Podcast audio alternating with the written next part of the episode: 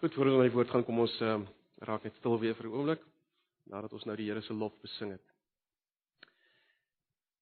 Ja, Here, ons wil werklik vir U kom sê in die oggend daar's niemand soos U nie.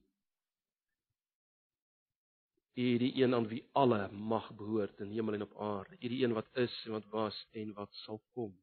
U die Alfa en die Omega, die begin en die einde. Daar's niemand soos U nie.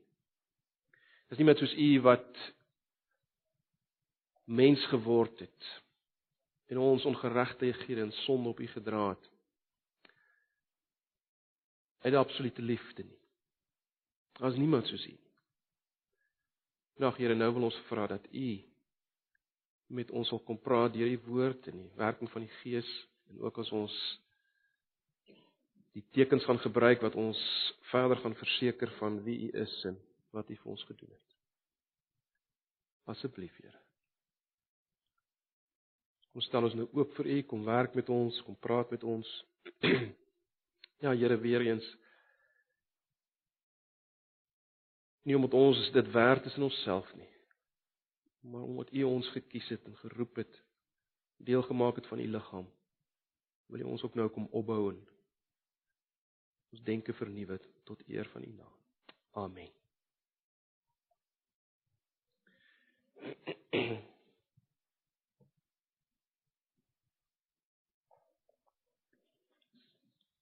En ja, ons is steeds besig met uh Romeine hoofstuk 12.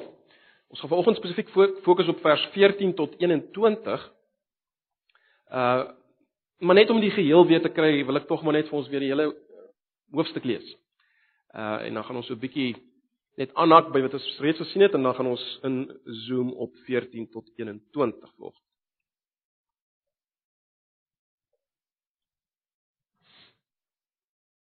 Ek lees maar weer die uh ek lees maar die 53 vertaling omdat dit maar die die basiese meer meer letterlike vertaling op hierdie stadium is wat die meeste van ons het. Uh maar ek sal wel verwys na uh, van die ander vertalings waar sommige woorde maar net miskien in makliker terme gestel is. Romeine 12 vers 1. Ek vermaan julle dan broeders by die ontferminge of dan die barmhartighede van God dat julle julle liggame stel as 'n lewende heilige en aan God welgevallige offer. Dit is julle redelike godsdiens. En word nie aan hierdie wêreld gelykvormig nie, maar word verander deur die vernuwing van julle gemoed, sodat julle kan beproef wat die goeie en welgevallige en volmaakte wil van God is.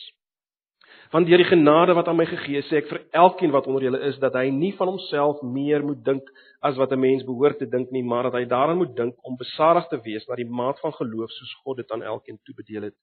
Want soos ons in een liggaam baie lede het en die lede nie almal dieselfde werking het nie, so is ons almal saam een liggaam in Christus en elkeen afsonderlik lede van mekaar.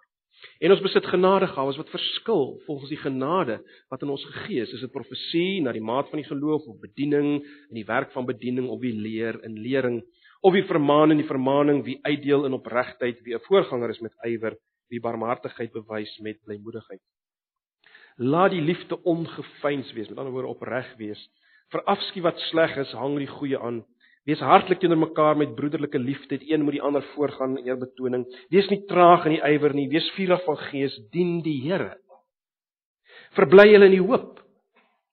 Wees geduldig in die verdrukking, volhard in die gebed. Maak voorsiening in die behoeftes van die heiliges, streef na gasvryheid. Seën die wat julle vervolg, seën en moenie vervloek.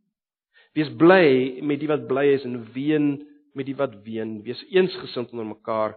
Moenie na hoë dinge streef nie, maar voeg julle by die nederige. Moenie eie wys wees nie. Vergeld niemand kwaad vir kwaad nie. Bedink wat goed is vir alle mense as dit moontlik is, sover as dit van julle afhang. Leef in vrede met alle mense. Moenie julle wreek nie geliefdes, maar gee plek vir die toorn, want daar is geskrywe aan my kom die wraak toe. Ek sal vergeld, spreek die Here. As jou vyand aan honger het, gee hom iets om te eet. As hy dors het, gee hom iets om te drink, want sodoende sal jy op sy hoof vurige kole ophoop. Laat jou nie deur die kwaad oorwin nie, maar oorwin die kwaad deur die goeie.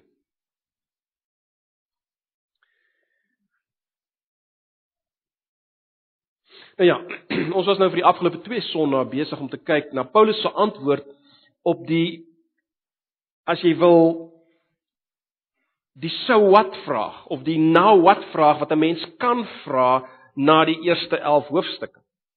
Met ander woorde, ten diepste is die vraag wat nou? Behoort daar 'n verskil te wees tussen die persoon wat geluister het na die eerste 11 hoofstukke en die persoon wat nie daarna geluister het nie? Dis die vraag wat ons onsself moet vra. Moet daar 'n verskil wees in wat ek dink, sê en doen na die eerste 11 hoofstukke? Wat nou? So wat dat ek na die eerste 11 hoofstukke geluister het, né? Nee. Dis die dis die vraag wat Paulus uh probeer beantwoord en Paulus se antwoord is natuurlik klokhelder, implisiet klokhelder. Uh dis onmoontlik. Dis onmoontlik om te weet van God se barmhartighede, te sê jy het dit beleef, dit het jou geraak en nie totaal anders, totaal anders te dink, te leef, op te tree. En daarom kom Paulus in die eerste twee verse van hoofstuk 12, dis alles dinge waarna ons gekyk het, maar ek ek wil maar net weer daarby aansluit. Daarom kom Paulus in die eerste twee verse van hoofstuk 12 en hy hy wys dat dat die eerste 11 hoofstukke vereis 'n totaal nuwe manier van godsdienstbeoefening. Eerste 11 hoofstukke wat gaan oor wat God vir ons gedoen het in sy barmhartigheid, sy barmhartighede, vereis 'n totaal nuwe manier van godsdienstbeoefening. Nou die woord godsdienst het natuurlik baie betekenis gehad, nie net vir die Jode van die dag nie, maar ook vir die heidene van die dag. Het dit geweldig betekenis gehad en aan die hart van die godsdienstbeoefening van daardie tyd het die bring van offers gelê. Dit was dit het gelê aan die hart van die beoefening van godsdienst.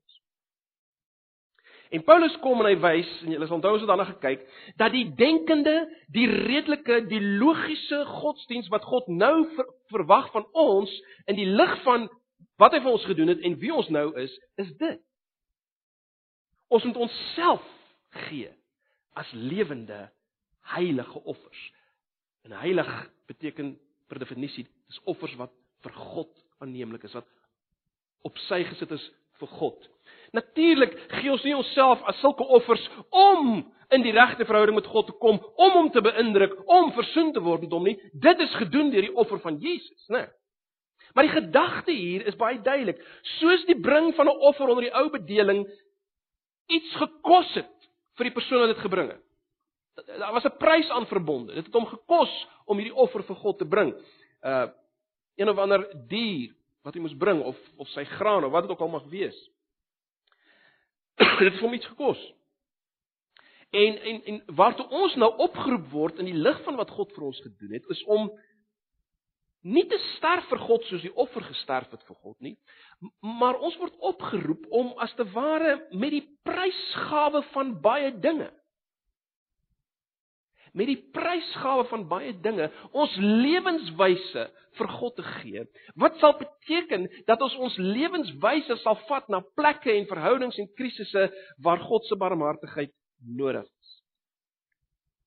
Nou om sulke offers te wees, het ons gesien, uh is dit nodig dat daar twee dinge moet gebeur. Aan die een kant moet ons nie gelykvormig word aan hierdie wêreld nie. Ons moenie toelaat dat hierdie wêreld ons in sy vorm druk nie. Die wêreldbeskouing, die manier van kyk na die wêreld wat elke dag aan ons uitgebasyn word via verskillende forme van van die media. Ons moenie toelaat dat dat daardie wêreld ons manier van dink vorm nie. Want as dit gebeur kan ons onsself nie gee as offers nie. So dis die een ding. Aan die ander kant uh moet ons toelaat dat God ons denke verander en vorm. Ons moet as te ware dat God ons brein splos, ons moet toelaat dat hy dit doen. Ons het gekyk na die interessante gebruik van die werkwoorde daar, né? Ons moet iets doen, maar ons moet toelaat dat hy dit doen, né? Ons moet ons moet toelaat dat hy ons vorm soos hy wil. En dan sal ons kan insien dat God se wil, soos gevind is natuurlik in sy woord, dat dit goed is en aanneemlik is en volmaak. So dis basies die die eerste twee verse, né? Nee. Nou, vanaf vers 3 kom Paulus dan en hy wys, hoe gaan dit lyk prakties? Hoe gaan dit lyk in jou verhoudings in die gemeente, in die in die groter Christelike gemeenskap en in die wêreld daar buite? Hoe gaan dit lyk as jy 'n lewende, heilige, aan God welgevallige offer is? En dis waarna ons begin kyk het verlede Sondag en ons het gesien dat die eerste ding wat belangrik is vir iemand wie se lewe so offer is, is dat jy nie moet meer dink van jouself as wat jy behoort te dink. Jy sien hoogmoed gaan absoluut in stryd. Enige vorm van hoogmoed is in stryd met God se groot barmhartighede. Want as daar nog 'n snars van hoogmoed in jou is, dan het jy nie verstaan wat God aan jou gedoen het. Ten spyte van wie jy is. Dis die een kant. Aan die ander kant, jy moet verstaan jy's deel van 'n liggaam. Die liggaam van Christus, waar elke lid, elke ledemaat ewe belangrik is vir die funksionering van die liggaam. Jy kan nooit dink jy is meer belangrik as die ander een. Almal het dieselfde geloof gekry. Verwysende na die die heil in Christus, né? Nee, almal het dieselfde gekry. So moenie te veel dink van jouself nie. Nee, wees eerder lief vir jou medebroers en susters met ongefeinste liefde. Met voorgee liefde en vals liefde. Drukkie liefde wat, wat nie opreg is nie. Ongefeinste liefde. Want dis die teenvoeter vir hierdie tipe van hoogmoed binne in die liggaam. En daarmee saam met ons gesien, moet jy verafskiet wat sleg is. Alles wat nie in lyn is met hierdie liefde nie en daarom nie in lyn is met God se karakter nie, die God wat sy barmhartighede aan ons bewys het. Alles wat nie in lyn daarmee is nie, jy moet jy moet jy moet dit verafskiet, fokus op dit wat goed is. Fokus op dit wat goed is. En moenie dat dit 'n swaar las vir jou is nie. Wees hartlik. Dis jou broers, wees hartlik teenoor hulle. En moenie moenie wag dat hulle eers vir jou iets doen nie. Nee, doen jy eers iets vir hulle. En moet ek net op hierdie punt al sê, as ons praat van ons broers en susters, eh, gaan dit ook oor meer as net die broers en susters in ons gemeente. Dit gaan oor broers en susters in die wyeer liggaam van Christus. En laat ek dit dadelik hier sê ook oor kleurgrense en kultuurgrense. Want dit pas by 'n lewende heilige aan God welgevallige offer. So dit was tot en by vers 10. Vanoggend fokus ons spesifiek op vers 11 tot 13. Vers 11 tot 13. En ek het nou maar 'n opskrif daar gesit op die bulletin. Dit is moeilik om hierdie gedeeltes in te deel en op te deel. Ek het al vir julle gesê dis 'n baie interessante styl in die ou antieke wêreld gewees. Hy's so 'n paranese. Uh die die goed is bietjie deurmekaar. Jy kan nie net regtig opdeel nie, hoor. Maar goed. Ek het nou maar probeer om om opskrifte te gee en dit op te deel. En en die eerste vraag wat ek vra is, hoe moet ons eie besig wees met die Here binne die gemeente lyk? En ek moes ons sê binne die die liggaam van Christus lyk, plaaslik, die gemeente en en weier. En die eerste ding wat Paulus sê is dit wees nie traag in die ywer nie. Dis soos die 53 dit vertaal. Die 83 vertaling sê moenie in julle toewyding verslap nie. Moenie in julle toewyding verslap Die gedagte wat Paulus wil weergee is dit: in die lig van God se groot barmhartighede moet daar 'n erns en en 'n intensiteit wees in jou Christen wees. Daar is nie plek vir 'n vir 'n geestelike gemaklikheid, luiheid nie. Ronddryf op jou ligmatras uh met eer earphones en gospelmusiek nie, né? Nee.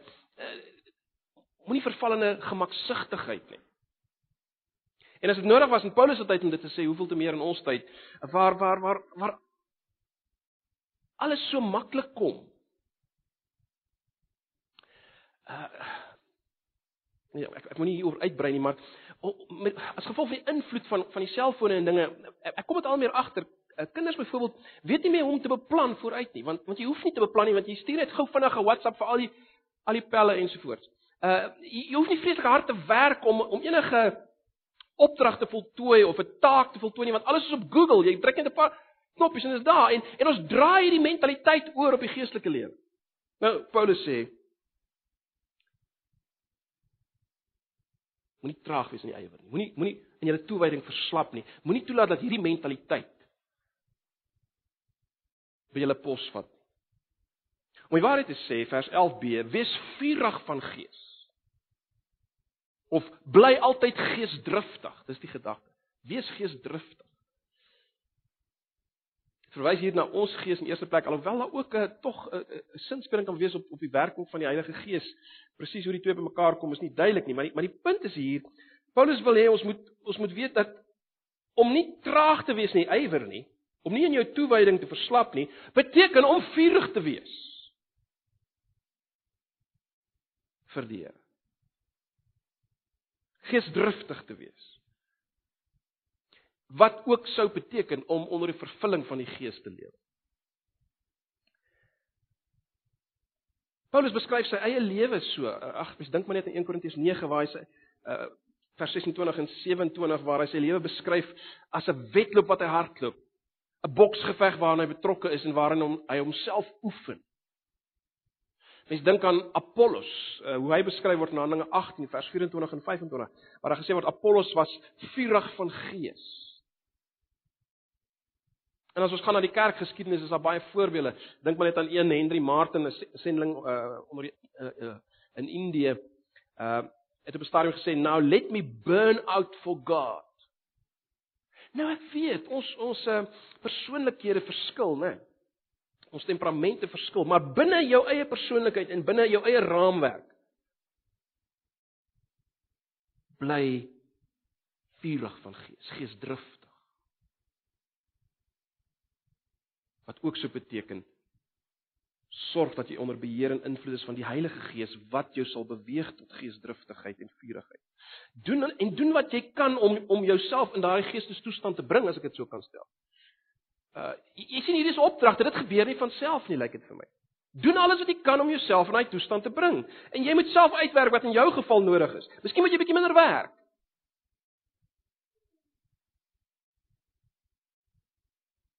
Miskien het jy, het jy nodig om meer spesifieke tye in jou lewe in te bou wat jy kan herlaai. Uh miskien moet jy doelbewus sekere boeke lees wat jou kan aanspoor. Miskien moet jy meer tyd spandeer met ouens wat jou kan aansteek. Wat die geval mag wees. Die punt is dit is 'n opdrag. Wees vurig van gees. Of bly jy dan geesdriftig soos sommige vertalings dit het? Vers 11 sê dien die Here dien die Here. En hierdie frase is nogal belangrik. Jy sien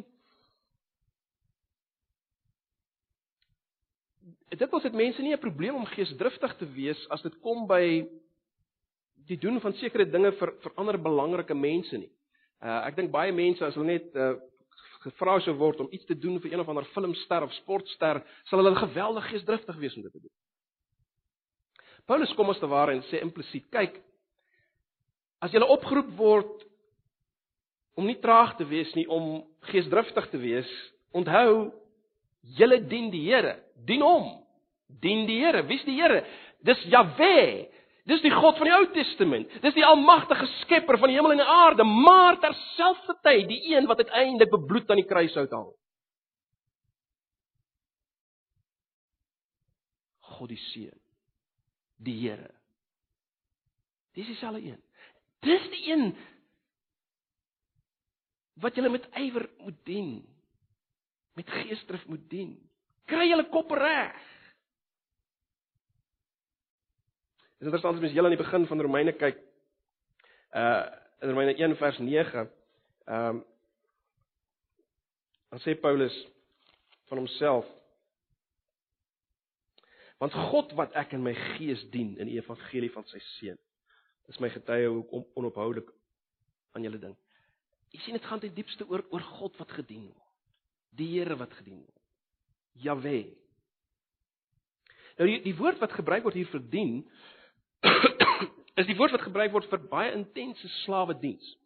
Nou is natuurlik 'n beeld wat Paulus nou al in Romeine 6 gebruik het, né? Nee. En en die gedagte is maar net ons is ons is slawe van Christus in die sin dat ons totaal met alles wat ons is in sy diens is.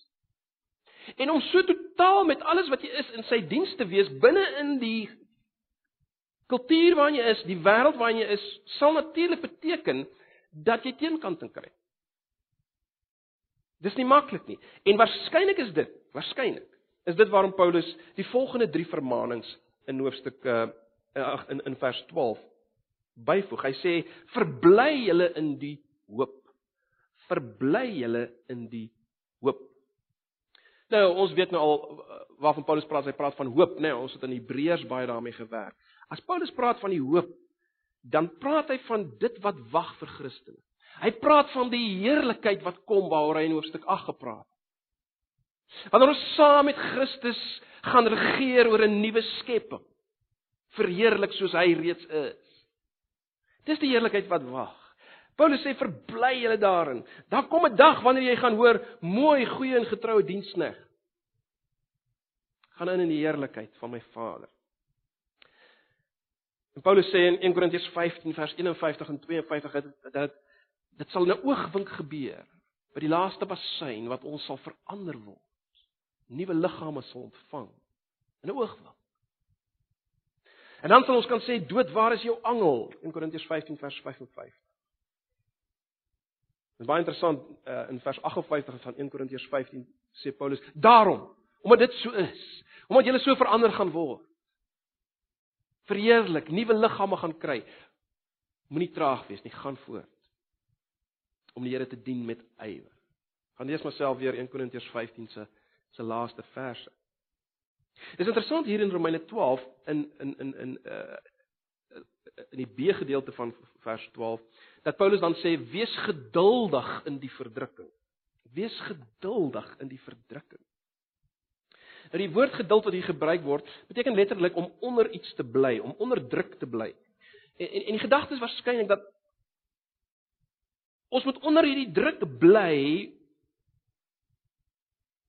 want ons weet wat kom ek kon nie lekker aan 'n aan 'n beeld dink nie, maar stel jou voor iemand wat wat met asem ophou onder die water en na 'n sekere punt toe swem, hy hy weet dit wat kom as hy sy kop gaan oplig is is 'n wonderlike eiland. Daarom byt hy vas, hou sy asem op en hy swem onder die water. Iets hiervan waarskynlik is wat Paulus se gedagte het. Uh wees geduldig in die verdrukking. Byt vas. Gaan voort. Dit wat kom is ongelooflik volhard die gebed. Jy sien, dit wat Paulus nou beskryf het, is nie moontlik sonder gebed. En dit wat hy beskryf het, dryf ons na gebed. En let wel, dis 'n opdrag. Volhard in die gebed. Volhard daarin, gaan voort. Of jy nou so voel of nie so voel nie, bid. Bid. Dit pas by iemand wat die groot barmhartighede van God ondervind het dele daarin. Ag, ons kan lank praat oor hieroor, maar kom ons bly net by sy by sy lyn. Die volgende ding wat Paulus sê is maak voorsiening in die behoeftes van die heiliges, streef na gasvryheid.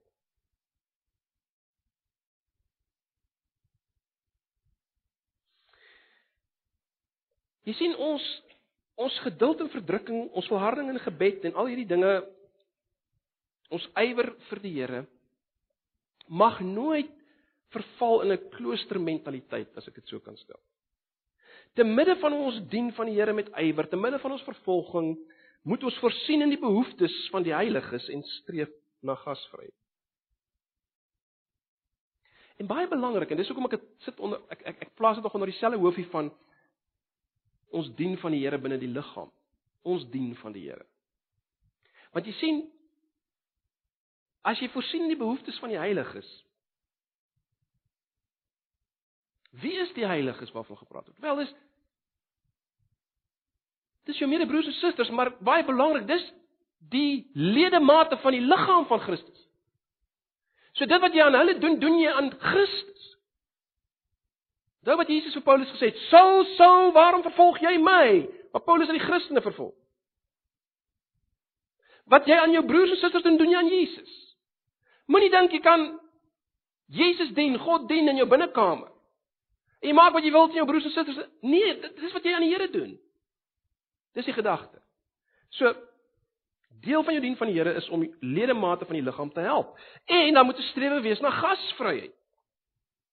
Gasvryheid. Baie interessant, die woord gasvryheid en ons het vir stadium hieroor al gepraat. Letterlik beteken dit liefde vir die vreemdeling. Nou, uh in in daai tyd Omdat gelowiges vervolg is, eh, wat gebeur het is dat gelowiges het gevlug van een plek na 'n ander plek en die enigste plek waar hulle 'n oop deur kon kry is by ander gelowiges. Ander Christene se huise. En en dit is baie belangrik. Die fokus in gasvryheid moet altyd wees op die oop deur, nie op die vol tafel nie. Baie keer duins ons terug van gasvryheid want ons is bang ons kan nie genoeg op die tafel sit nie. Ons moet vir die mense 5 ster behandeling gee. Dis nie die gedagte agter Bybelse gasvryheid nie. Sorg dat daar 'n oop deur is waar hulle kan inkom en en iets kan beleef van die deel wees van die liggaam van Christus te midde van die aanvalle van buite. so sorg dat julle deur oop is vir medegelowiges. Sorg dat jou deur oop is vir sendlinge wat plek soek, Christene van oorsee of wat die geval mag wees. Ook hulle moet die barmhartigheid van God beleef. En ag julle onthou Hebreërs 13 vers 2 waar die skrywer sê: Vergeet die gasvryheid nie, want daardeur het sommige sonder om dit te weet engele as gaste geherberg. Nou die konteks is natuurlik eh, waarna of waarna hy verwys is natuurlik Genesis 18 tot 19. En gaan lees maar mooi Genesis 18 tot 19 en dan sal jy agterkom dat een van die gaste wat geherberg is deur Abraham was die Here self. Dis geen twyfel nie, gaan lees maar mooi. Eh, die punt wat ek wil maak is is dit: gas as jy gasvry is, is dit steeds deel van jou dien van die Here. So dis belangrik. Kom ons kyk nou na vers 14 tot 21.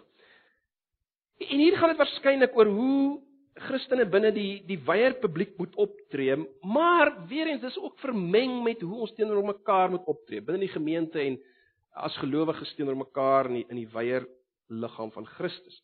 Uh natuurlik het dit wat ons teenoor mekaar doen as gelowiges natuurlik weer 'n getuienis karakter teenoor die na buite. So hierdie goed is in mekaar gevleg.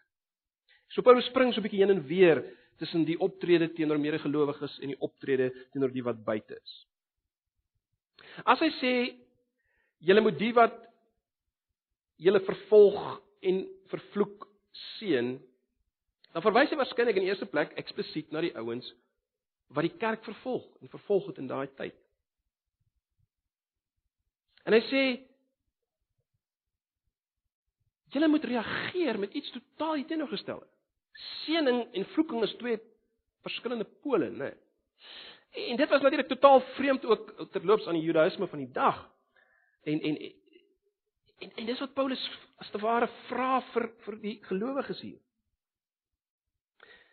Mens wonder of Paulus gedink het aan Jesus se gebed toe hy uh, aan die kruis gebid het: Vader, vergeef hulle, want hulle weet nie wat hulle doen nie. Bid hy vir sy die mense wat op kruisig.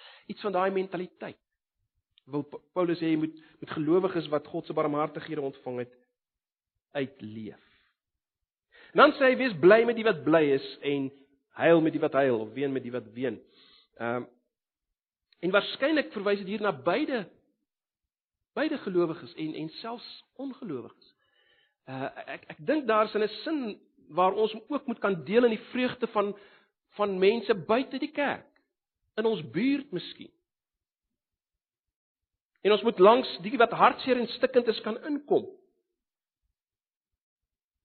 En dit maak dat ons mense aantrek. Dit loops die die vroeë gemeente het mense aangetrek. Gaan lees maar weer Handelinge.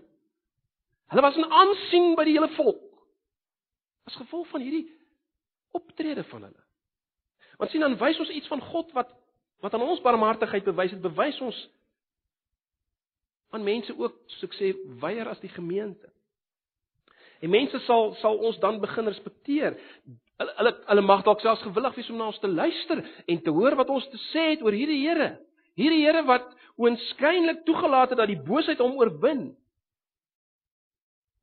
aan die kruis, maar jy's daardeur oorwin hy die boosheid. Uh jy sien mense sal was of mense kan as gevolg van hierdie optrede na die Here gedryf word. So wees bly met die wat bly is. En huil saam met die wat huil. En dan sê Paulus wees eensgesind onder mekaar, moenie na hoë dinge streef nie, maar voeg julle by die nederige, moenie eie wys wees. Hier fokus hy waarskynlik weer meer spesifiek op die gelowiges onder mekaar. En en hierdie twee goed pas by mekaar, né? Nee. Uh moenie nou as jy nie na hoë dinge streef nie, maar jy by die nederige voeg en nie eie wys is nie, wel, dit bevorder eensgesindheid. Terwyl aan die ander kant eensgesindheid word verbreek as jy na hoë dinge streef. Nie jou nie by die nederiges voeg nie, maar eie wys is. Jy sien dit pas nie. Pas nie.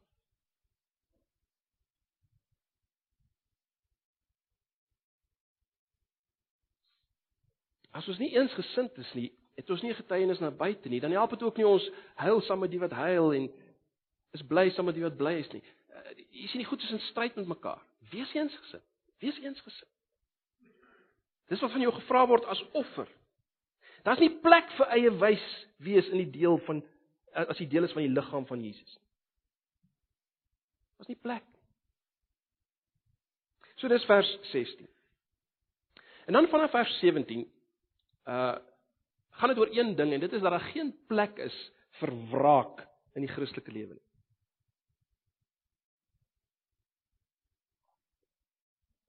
Daar's geen plek vir wraak in die een se lewe wat die barmhartighede van God beleef het. Ons verdien die wraak van God, maar hy bewys aan ons barmhartigheid. En daardie selfde gesindheid moet natuurlik na vore kom. En en dis iets vreemd aan ons want oral word wraak in die tyd van ons lewe word wraak voorgestel as iets wat baie goed is, hoor. Kyk 'n bietjie na die flieks. Ek dink byvoorbeeld aan die aan aan aan die aan die fliekreeks Teiken. Uh dit gaan oor absolute wraak en enige optrede van die ou wat wraak neem word eintlik as goed en reg uitgebeeld want hy kan enigiets doen want hy hy neem wraak. Want kyk, daar's sleg teen hom opgetree so. Hy het alle reg om nou die ouens pap te skiet. Dis die wêreld van ons lewe. Natuurlik in in in ons eie ehm um, sakformaat oorlogies uh gaan dit nie daaroor dat ons met 'n geweer rondloop en almal wil plat skiet nie, maar dit gaan oor die beginsel van ek sal jou wys, ek gaan jou terugkry vir wat jy aan my gedoen het. Jy het dit aan my gedoen, ek gaan dit aan jou doen. Broers en susters, kom ons wees eerlik volgens mekaar. Ons almal is skuldig. Almal sukkel daarmee. Ek gaan jou terugkry. Subtiel. Die punt is Paulus wys in die lig van die eerste 11 hoofstukke die lig van wat God in ons gedoen het, moet ons kreatiewe, verrassende nuwe maniere vind om met mense te werk wat ons seermaak. En dit is natuurlik 'n massiewe uitdaging. Uh dis dis geweldig om ons morele wil in lyn hiermee te kry. Dit is nie maklik nie. Maar daar gaan kan geen twyfel daaroor wees nie. Dis dis dis so duidelik. Kan nie duideliker wees nie, né? Nee. Dit beteken nie, let wel, dit beteken nie dat ons die kwaad goedkeur nie.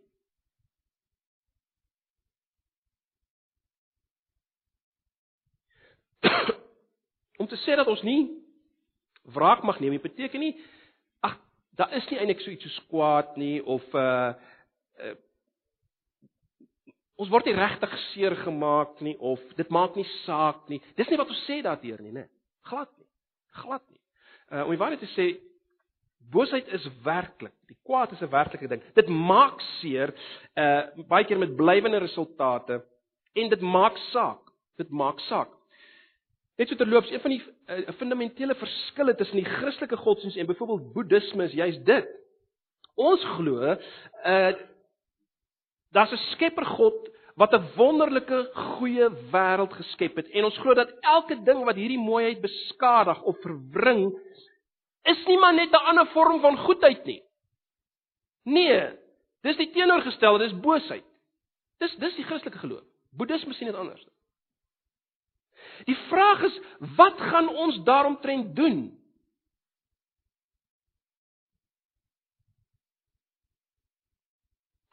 En nou baie belangrik. Ons moet as Christene in die eerste plek in die lig van die eerste 11 hoofstukke vra, wat het God daaromtrent gedoen? Ag broers en susters, 'n groot deel van Romeine het presies gewys wat God daaraan gedoen het. Dis dink spesifiek ook aan Romeine 5 vers 6 tot 11. Wat het God gedoen uh aan die kwaad wat teen hom gedoen is, die verwerping van hom. Wat het God aan gedoen?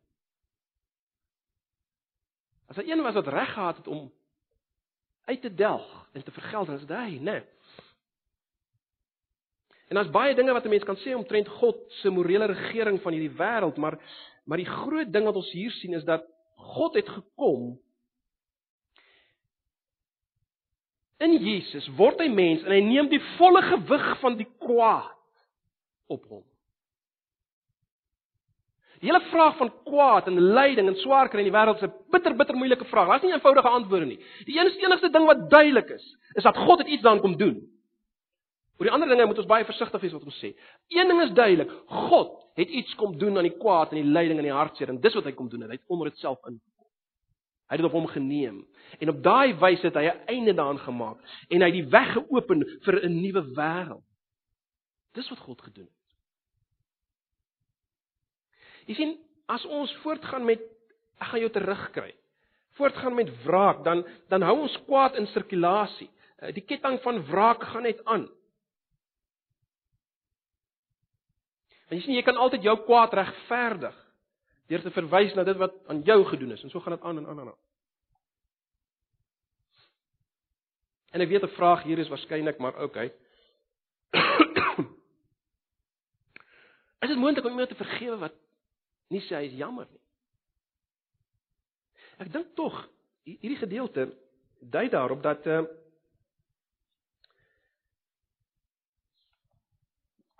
dat ons dit moet doen. Vers 18 sê as dit moontlik is sover dit van julle afhang. Leef in vrede met alle mense.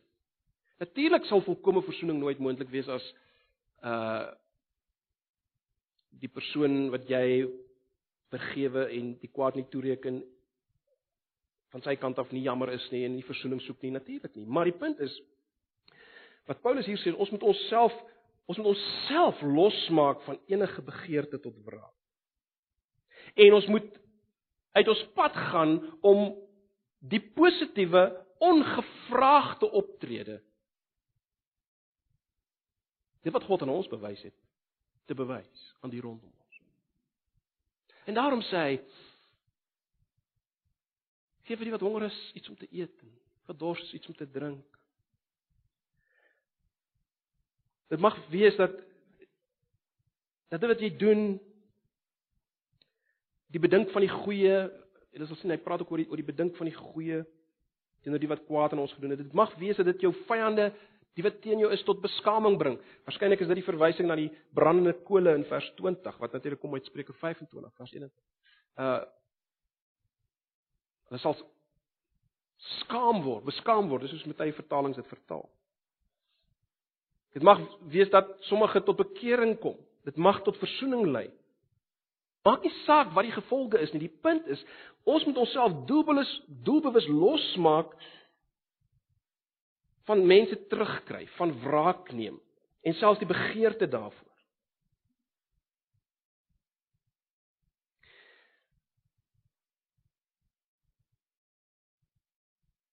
Broers en susters, ons moet weier om ons toekoms te laat bepaal deur die kwaad wat iemand anders gedoen het. Dit is sleg genoeg dat mense doen dit wat hulle gedoen het. Maar moenie hulle die reg gee om jouself in 'n bitter verwronge innerlike toestand te hou nie. Jy gee hulle die reg om jou in 'n bitter verwronge innerlike toestand te hou as jy nie absoluut vergewe nie, maar wraak hou en wraak koester. En waarskynlik is dit die onmiddellike betekenis van die is dit die onmiddellike betekenis van die laaste vers, nê. Nee, Moenie jou deur die kwaad laat oorwin nie, maar oorwin die kwaad deur die goed, deur die goeie. Ek sê dis waarskynlik die onmiddellike konteks daarvan. Ek het ook vir julle gesê laas keer dat waarskynlik uh kan mens die hele gedeelte opsom in in in in in hierdie woorde. Moenie julle deur die kwaad laat oorwin nie, oorwin die kwaad deur die goeie. Vers 19b is natuurlik belangrik. As Paulus sê moenie julle wreek nie geliefdes, maar gee plek vir die toorn want daar is geskrywe aan my kom die wraak toe. Ek sal vergeld, spreek die Here.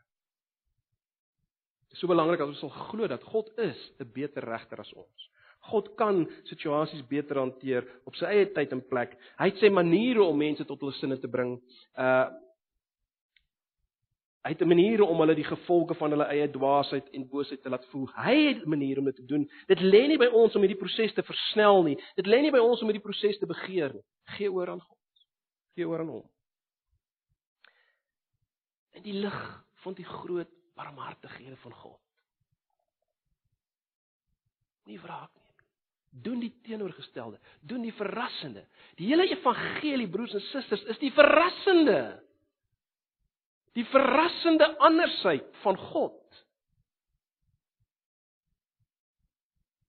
Wat kon vernietig. Hy het alle mag gehad, maar hy bring dit op homself.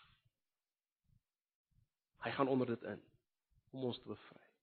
Ag, mag die Here ons genade gee om dit uit te leef.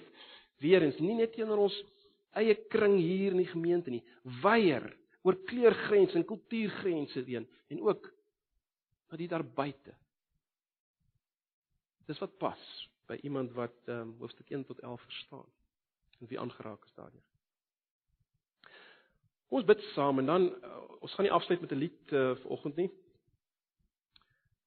Ons bid saam en dan gebruik ons die die nagmaal saam, die nagmaal wat die tekens is van God se groot barmhartighede in Christus. Ons lees dit in Romeine 11 uh, ja, of, ek, of laat ek so stel, ons lees dit in die eerste 11 hoofstukke van Romeine van wat God vir ons gedoen het in Jesus. Volgens wil God hê ons moet dit ons moet dit sien, ryk, proe, deel van onsself maak. Dis waarvoor die tekens daar is. Die groot barmhartighede van God. Kom ons bid saam. Ag Here, dankie vir u woord, dankie ook vir hierdie opdragte, hierdie paranese gedeelte in Romeine 12. U ken ons Here, u weet hoe ons juis hier struikel. Ons kan so maklik van alles weet en baie wonderlik daaroor praat en teologies korrek praat oor alles en tog kom by ons eie lewens dan val ons juis hier in die in die sou wat gedeelte. Wees ons genadig, vergewe ons in Jesus. En ag Here, ons pleit U vir krag deur die Gees vir ons lewens as kinders van U in hierdie wêreld. Nou wil ons vra dat U ons ook sal versterk en sal bemoedig deur U deur die tekens van die nagmaal. Ons wil dit nie verdien nie. Ons wat in onsself nie die reg het om ver oggend hierdie tekens eers te gebruik nie. Ons weet dit is juis vir ons wat nie die reg het nie, wat nie verdien nie. Maar die tekens voorgegee is om ons te bemoedig en te versterk en aan te moedig. Doen dit ver oggend. Ons vra dit in Jesus se naam. Amen. Ons weet dat Jesus in die nag waarin hy oorgelewer is, die beker geneem het en nadat geskink het en gesê het: "Neem, drink, dit is my bloed, die bloed van die die nuwe verbond, daardie nuwe verhouding waarin ek met julle wil staan." Ek het dit ek ek bewerk dit deur my bloed, deur my lewe wat gegee word. En, en elke keer as ons dit drink en ons proe dit, moet ons daaraan dink. Jesus wat sy lewe gee, God wat sy lewe gee, God die Seun, sodat ons kan lewe. Hy neem nie wraak nie. Hy verdelg. Hy gee homself sodat ons kan lewe, sodat ons in 'n verbondsverhouding met hom kan wees, die nuwe verbond. Kom ons dink daaraan as ons die wyn drink vanoggend. Die brood wat ons breek sy liggaam. Dis sy liggaam. Teken van sy liggaam wat vir ons gebreek is. Sy liggaam is vir ons gebreek sodat ons nou sy liggaam kan wees op aarde. Ons wys vir die wêreld wie hy is. Ons beweeg in die wêreld in. En daarom maak hierdie opdragte in Romeine 12 soveel meer sin, né? Dit was Jesus se opdrag. Dit moet ons optrede gesamentlik wees. Daarom as ons die brood eet, kom ons dink daaraan en ons deel dit mekaar as mekaar se lede.